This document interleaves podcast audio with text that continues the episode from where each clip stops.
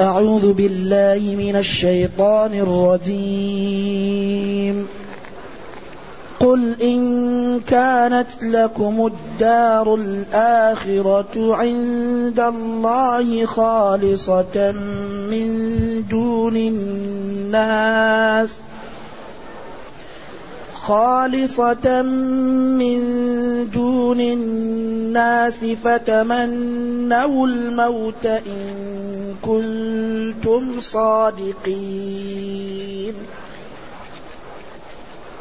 ولن يتمنوه أبدا بما قدمت أيديهم والله عليم بالظالمين.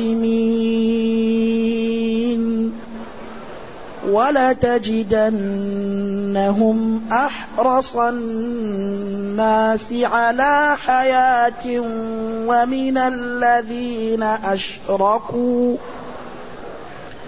يود أحدهم لو يعمر الف سنه وما هو بمزحزحه من العذاب وما هو بمزحزحه من العذاب ان يعمر والله بصير بما يعملون قل من كان عدوا لجبريل فانه نزله على قلبك فإنه نزله على قلبك بإذن الله مصدقا لما بين يديه وهدى وهدى وبشرى للمؤمنين. من كان عدوا لله وملائكته ورسله وجبريل وميكال وجبريل وميكال فإن الله عدو للكافرين. ولقد أنزلنا إليك آيات بينات وما يكفر بها إلا الفاسقون.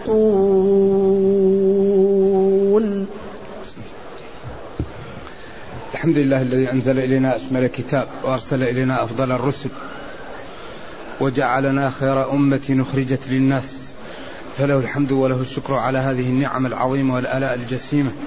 والصلاة والسلام على خير خلق الله وعلى آله وأصحابه ومن اهتدى بهداه. أما بعد فإن الله تعالى يبين في هذه الآيات يعني معاصي اليهود وما يقابلون بها نعم الله من الكفران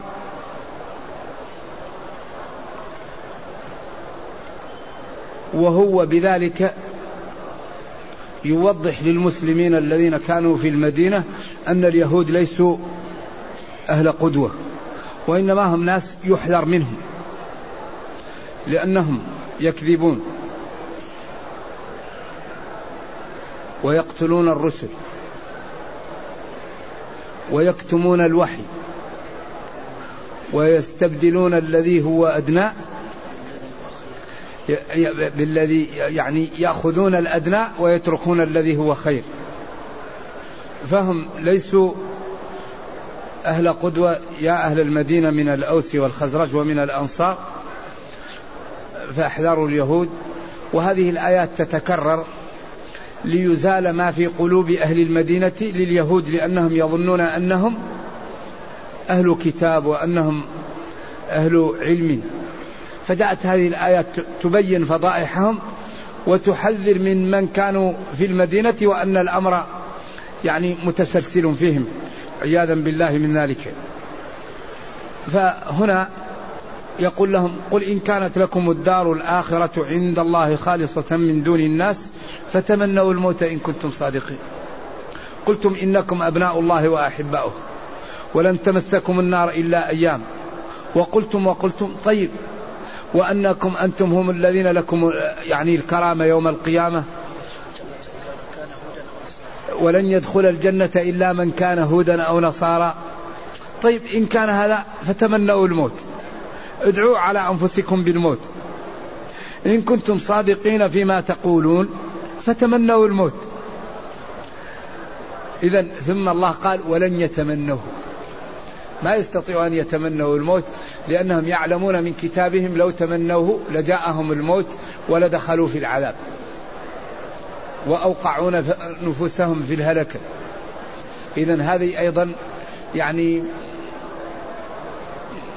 ناحية من النواحي التي ظهرت فيها يعني كذب اليهود وإعجاز القرآن. يقول جل وعلا قل إن كانت لكم يا يهود الدار الآخرة يوم القيامة يعني ما يكون فيها الجنة والحظوة بها عند الله. في حال كونها مختصة بكم من دون بقية الناس فادعوا على أنفسكم بالموت تمنوا الموت. إن كنتم صادقين فيما قلتم فافعلوا ذلك. وهم لم يفعلوا فدل ذلك على كذبهم وأنهم ليسوا صادقين فيما قالوا. ثم قال جل وعلا ولن يتمنوه أبدا بما قدمت أيديهم. لن حرف نفي. وعند بعضهم للتأبيد ويقال لن الزمخشرية. أي ولن يدعوا على أنفسهم بالموت أبدا. وذلك لعلمهم بأنهم يكذبون وبعلمهم أن النبي صلى الله عليه وسلم مرسل من عند الله وبعلمهم أن من يكذب ويخالفه إيش؟ سيعاقب. لذلك الله يقول يعرفونه كما يعرفون أبناءهم. لما جاء قال والله عبد الله بن سلام يقول لهم والله يا يهود لا تعرفون أنه رسول الله. الذي يجدونه مكتوبا عندهم في التوراة والإنجيل. مبين صفاته عندهم. ولكنهم عياذا بالله هم قوم بهت بعدين يقول والله عليم بالظالمين. هذه الجملة مخوفة ومهددة ومحذرة. لأن اليهود ظلم والله عليم بالظالمين أي عالم بأمرهم. لأن عليم هنا عالم. نعم. والظالمون الواضعون الأمور في غير موضعها. والظلم له طرف أعلى وهو الكفر وله طرف أدنى وهو المعصية. والسياق هو الذي يميز ما المقصود بظلم في ذلك السياق. إذا والله عليم بالظالمين. هذا تحذير لليهود وتخويف لهم أن يقلعوا عما هم عليه. بعدين يقول ولتجدنهم والله لتجدنهم لتلفينهم ولتصادفنهم أحرص الناس على حياة. هؤلاء اليهود عندهم حرص على الحياة عجيب. وذلك لعلمهم بما يدخر لهم من العقوبة. لأن الذي يعلم أنه بيته خراب ما يحب يأتي إليه. لكن الذي يعمر بيته يحب ما لا يحب أن يذهب إليه ليستريح. ولذلك سأل بعض الكبراء بعض الصالحين ما لنا نكره الموت ونحب الحياة؟ قال لأنكم الحياة عمرتم فيها والموت ما ما عمرتم فتكرهوا أن تذهبوا عن العمار للخراب. أما الذي يعمر الآخرة لا يكره أن يموت. إلا كراهية جبلة. لأن الموت نفر منها جبلة. قل إن الموت الذي تفرون منه جبلة. هذه أمور جبلية. لكن الإنسان الذي يطيع الله ويستقيم على شرع الله ولا يعصي حقيقة لا يكره الموت. إلا كراهة جبلية. لأنه إذا علم أنه إذا ذهب عن الدنيا يأتي للجنة وللنعيم وأن الدنيا سجن المسلم لا يخاف. نعم. أيوة الدنيا سجن المسلم. أيوة ولذلك الدنيا جنة الكافر. والدنيا سجن المسلم. إذا هؤلاء اليهود الله يقول ولا تجدنهم. والله لتجدنهم أحرص الناس على حياة. وهذا فيه عيب على على الحرص الشديد على الحياة. والله بين أن كل شيء مكتوب عشان الإنسان لا يكون شديد الحرص لا يكون شديد الفرح ولا يكون شديد الحزن. قال ما أصاب من مصيبة في الأرض ولا في أنفسكم إلا في كتاب. من قبل أن نبرأها أن نوجدها. إن ذلك على الله يسير. هنا يريد أن يزيل ما في مطامع بعض الناس. كيف هذا؟ كيف كل شيء في كتاب؟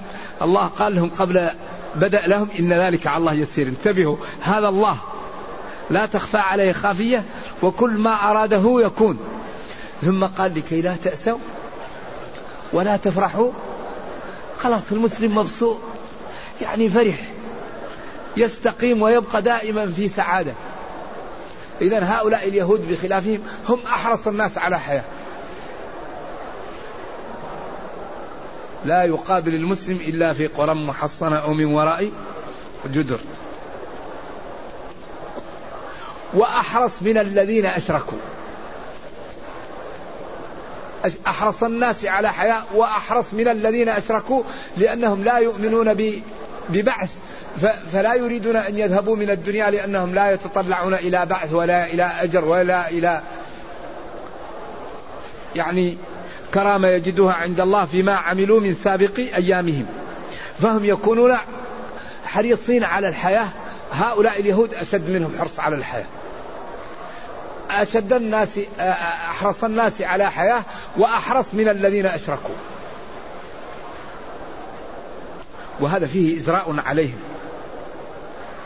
وفيه نوع من العيب. والإنسان إذا كان حريص على الحياة لا يمكن أن ينتج لأن الحياة كلها خطر. السفر خطر. و وكل الحياة خطر. فإذا كان الإنسان حريص يبقى مكتوف الأيدي. ما يقدر يشتغل لدينه ولا لأمته. يود أحدهم هل هؤلاء المقصود بهم اليهود أو الذين أشركوا؟ يود أحدهم لو يعمر ألف سنة وما هو بمزحزحه من العذاب أن يعمر؟ والله بصير والله بصير إيش؟ والله بصير بما يعملون. هذا تهديد آخر. يود أحدهم هل هذا المقصود به؟ ومن الذين أشركوا هم أحرص من الذين أشركوا الذين يود أحدهم لو يعمروا أو هم أحرص الناس وأحرص من الذين أشركوا واليهود يود أحدهم لو يعمروا ألف سنة. أقوال للعلماء.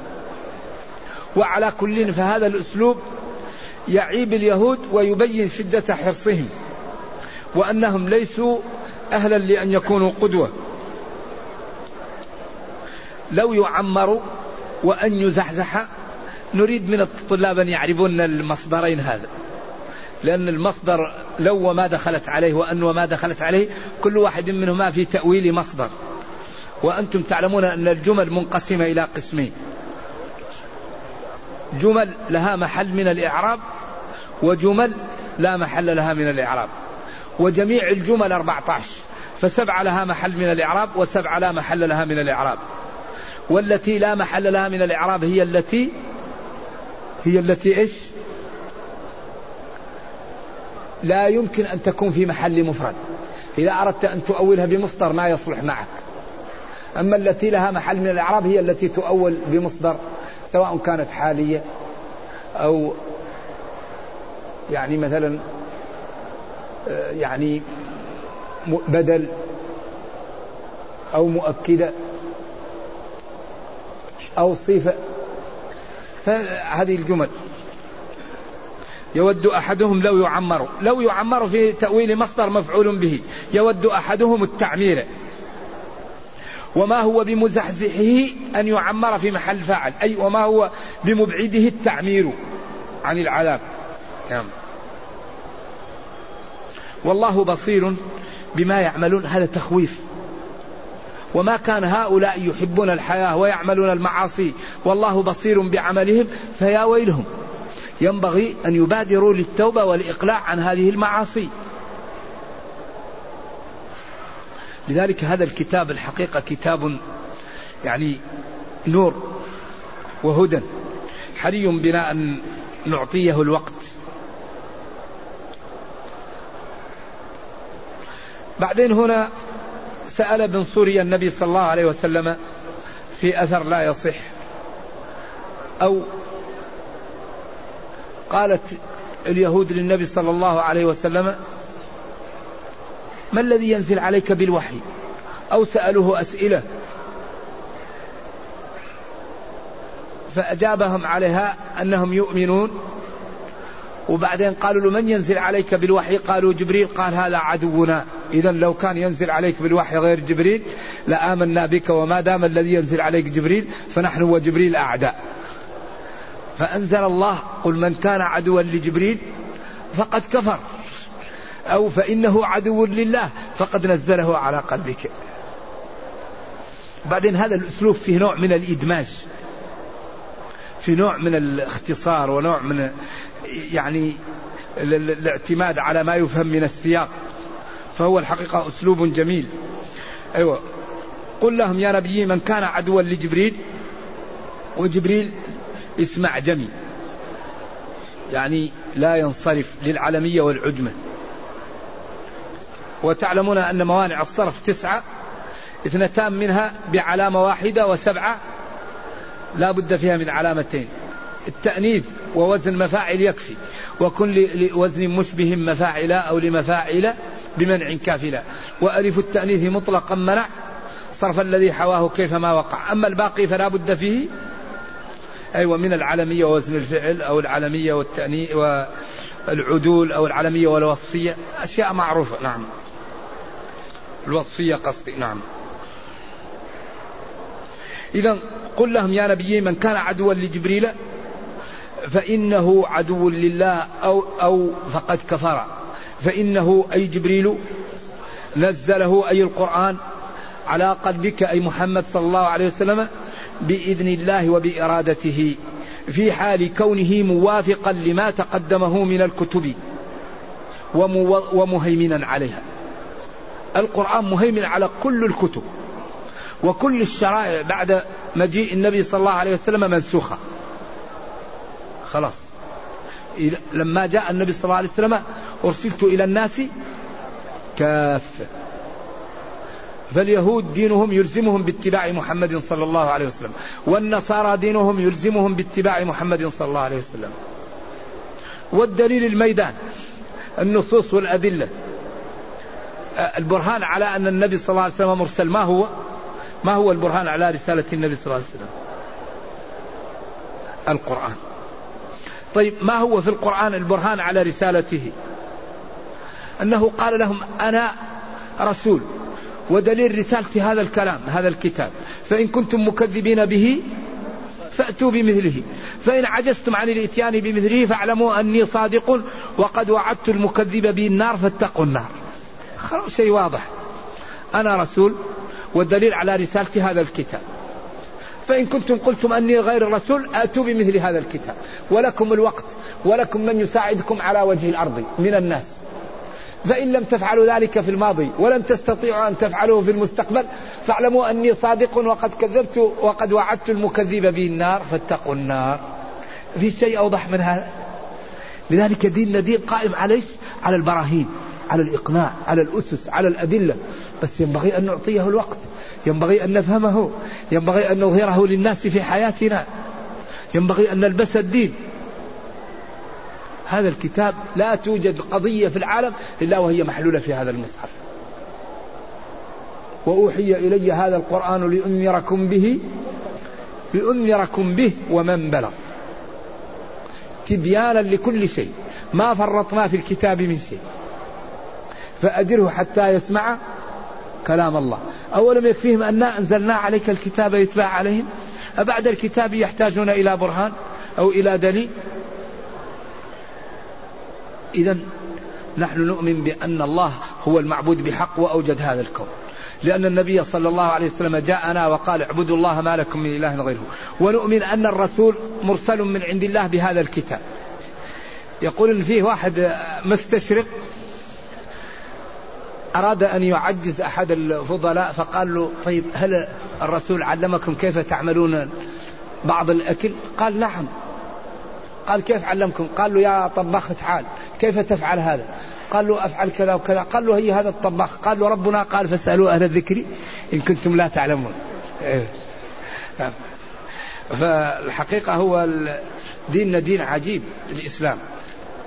ولذلك أهم شيء نقوم به ما هو؟ أيوة أرفع صوتك. نتمثل القدوة نتمثل الإسلام. أنفع شيء للدين في هذا العصر نتمثل الدين. ونصبر. الكفار يدخلون في الإسلام لأنهم لا يجدون الظلم ولا الكذب ولا الغش ويجدون الصدق ويجدون المؤاساة ويجدون الرفق. طيب من يقدر يكفر بالإسلام إذا إذا أظهر ناصعا؟ لكن المشكلة أن المسلمين إيش؟ يحولون بين الكفار وبين حقيقة الإسلام بأعمالهم بمخالفاتهم الكثيرة في كثير من بلاد الله. فحري بنا أن نتمثل الدين وبالأخص من كان يعيش من منا بين ظهراني الكفار. هذا المسؤولية عليه عظيمة. الذي يعيش مع الكفار ويغش هذه مصيبة. الذي يعيش مع الكفار ويكذب هذه مصيبة. الذي يعيش مع الكفار ويسرق أموالهم هذه مصيبة. الذي يعيش مع الكفار ويعمل تزوير لإجازة وهو غير مريض هذه مصيبة. الذي يعيش مع الكفار ينبغي أن يظهر لهم صدق الإسلام. وأن الإسلام يحرم الغش ويحرم الكذب ويحرم الأذية وأنه يأمر بإعطاء الضعيف وجعل في كل كبد رطب أجر. فنحن ينبغي أن نظهر للناس جمال الدين في حياتنا. وينبغي أن نستعين بإظهار جمال ديننا بما وجد من المعلومات الكبيرة في هذا الزمن في الإنترنت وفي القنوات. وفي الأطباق وفي النشر المختلف. ينبغي أن نظهر جمال الدين وأن كل واحد منا يشارك بقدر ما يستطيع. لأن كثير من الناس يجهلون الإسلام ويروا أعمال المسلمين مخالفة فيقولون لو كان الدين حق لاتبعه أهله. إذا يقول جل وعلا ربنا لا تجعلنا فتنة للذين كفروا. أي لا تجعل عملك فينا سببا في صد غير المسلمين عن الدخول في الإسلام. لذلك أنفع شيء هي القدوة. القدوة القدوة. ونعلم أن الله إذا عمل العبد بالإسلام الله يحميه. ولينصرن الله من ينصره. ولا والله لينصرن الله من ينصره. إن الله لا يضيع أجر من أحسن عملا. إذا لا بد من أن نتعود على القدوة الحسنة. ولا بد أن نتعود على أن نعالج خلافاتنا بالرفق. نعالجها بالرفق. ما هو بالمضاربة ما هو بالسب والشتم. نعالجها بالحوار. فأصلحوا بينهما على طاولة المفاوضة ونترك السبل التي تأتي بالخلاف. وهي؟ ما هي؟ الأمور التي السبل التي تأتي بالخلاف ما هي؟ السخرية والظن واللمز. لأن الله لما أمر بالصلح سد منافذ خلخلة الأخوة الستة. هذه ينبغي أيضا أن نهتم بها ونبرزها. ونعلم أن المسلمين ينبغي أن يرتفعوا ويعالجوا الخلافات اللي بينهم معالجة شرعية بالحوار وبالتفاهم وبأن كل واحد يترك لأخيه بعض الشيء وتزول الخلافات. فإذا كان كل واحد منا يريد أن يأخذ حقه كاملا جاءت النفرة بين الوالد والولد وبين الأخ وأخيه وبين الجار والجار وبين الشريك والشريك. لكن إذا كان كل واحد يترك بعض الشيء جاءت بيننا إيش؟ الألفة. أعداؤنا الآن أو أعداء لأنفسهم. نحن نرحمهم نريد أن نرحمهم وننقذهم من النار. ولذلك هؤلاء نحن نقول هؤلاء نحن نحاول أن ننقذهم من النار ونرفق بهم حتى نوصل لهم العلم ونوصل لهم الحق لكي لا يدخلوا جهنم. لأننا إذا لم نتنبه نحن يوم القيامة قد نعذب لأننا لم نتبع الدين فنفروا من الدين بسببنا. ويقولون يا رب إن المسلمين لم يتبعوا دينهم فكرهونا في الدين بسلوكهم. إذا نحن ينبغي أن نظهر للناس جمال الدين في حياتنا وأن نبين هم الآن لماذا لا, يخت... لا يتناحرون إذا اختلفوا. لأن الله قال يعلمون إيش؟ ظاهرا من الحياة الدنيا. والغريب أن قبل خبر الروم ألف لام ميم غلبت الروم. إلى أن قال ولكن أكثر الناس لا يعلمون. يعلمون ظاهرا. والزمخشري أعرب لا يعلمون بدل. منها يعلمون قال لأنه علم متعلق بظاهر الحياة الدنيا وأصحابه غافلون عن الآخرة فهو بدل من منفي وهذا إعراب فعلا فيه دقة جدا وفيه قوة فهم. إذا يقول من كان عدوا لله من كان عدوا لجبريل فقد كفر. فإنه نزل القرآن على قلبك بإرادة الله في حال كونه مصدقا وموافقا لما تقدم من الكتب. وفي حال كونه هدى ومبشرا للمؤمنين بالعزة ودخول الجنة. لأن المؤمن في وقت العالم كله في ضيق المؤمن في بشارة. لذلك إذا كان الناس يوم القيامة في المحشر المتقي يشوف فائدة التقى. وإذا كنا يوم القيامة في المحشر المجرم يشوف خطورة الإجرام. قالت عائشة يا رسول الله الناس كلها عراة كيف يا رسول الله؟ يبعثون غرلا. عراة. قال يا عائشة الأمر أعلى وأفخم. الناس كل واحد نفسي نفسي نفسي. الأنبياء نفسي نفسي. الأولياء نفسي نفسي. فهذا اليوم الذي يجعل الولدان شيبا ومقداره خمسين ألف سنة من يلجمه العرق ومن يصل هنا؟ وهذا يقول روح أنا فعلت والأنبياء يقولون فعلت فيأتي صلوات الله وسلامه عليه ويقول أنا لها أنا لها أنا لها. ويسجد حتى يقال له يا محمد سر ربك واشفع تعطاه واسأل واشفع تشفع. إذا ينبغي لنا أن نأخذ من أنفسنا لأنفسنا قبل أن يفوت الأوان. ولقد أنزلنا إليك يا نبي والله من كان عدوا لله وملائكته ورسله وجبريل وميكال طبعا في جبريل وفي جبرائيل فيه قراءات كثيرة وفيه ميكال وميكائيل وميكائيل كلها قراءات صحيحة. فإن الله عدو للكافرين. ما قال فإن الله عدو لليهود؟ فقال فإن الله عدو للكافرين وأنتم من الكافرين. وهنا قال من كان عدوا لله. وملائكته ورسله وجبريل وميكائيل. هذا من عطف الخاص على العام. للاهتمام بجبريل وميكائيل كما قال حافظوا على الصلوات والصلاة الوسطى. هذا تأكيد. لأن الصلاة الوسطى هي صلاة إيش؟ العصر أو الفجر أو كل صلاة كما يقول ابن العربي. بن عبد البر وهذا من أغرب شيء. يقول أن الصلاة الوسطى هي كل صلاة. يقول حافظوا على الصلوات جميعا وعلى كل صلاة بمفردها. وهذا في بعد لكن الصلاة الوسطى هي صلاة العصر لأن في حديث صحيح. إن شاء الله يفك النزاع. إذا من كان عدوا لله والعداوة أن يكون الإنسان يبغض الشيء ويناصب ويريد أن يوصل الأذية ولا يحبه ضد المحبة وضد التآلف. والملائكة جمع ملك ورسله جمع رسول وجبريل معروف وميكائيل. عطف خاص فإن الله عدو للكافرين. إذا من كان عدو لله فإن الله عدو للكافرين. الذي يفعل هذا فهو كافر والله عدو للكافرين. إذا ما قال فهو عدو لهم وإنما أتى بالأسلوب ليدخلهم من جملة الكفار. نعم.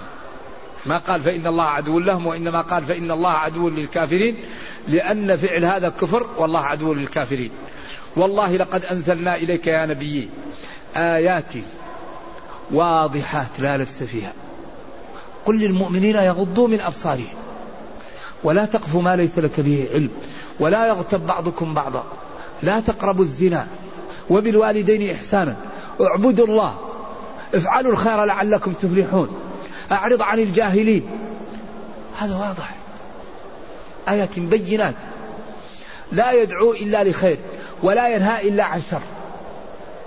الزنا ضرر الربا ضرر عقوق الوالدين ضرر الكفر ضرر الصلاة نفعها. من أكبر أسباب الغنى الصلاة الاستغفار الرفق التغاضي مقابلة الإساءة بالإحسان. آيات بينات واضحات. فيها النور وفيها الخير وفيها العزة وفيها السعادة النفسية وفيها السعادة الدنيوية وفيها الألفة والمحبة. والرفع. وما يكفر بها إلا الخارجون عن طاعة الله تعالى والفسوق هو الخروج. ونرجو الله جل وعلا أن لا يجعلنا من الفاسقين وأن يلهمنا فهم هذه الآيات البينات والعمل بها وأن يجعلنا وإياكم جميعا من المتقين إنه خير مسؤول والقادر على ذلك. وصلى الله وسلم وبارك على نبينا محمد وعلى آله وصحبه. والسلام عليكم ورحمة الله وبركاته.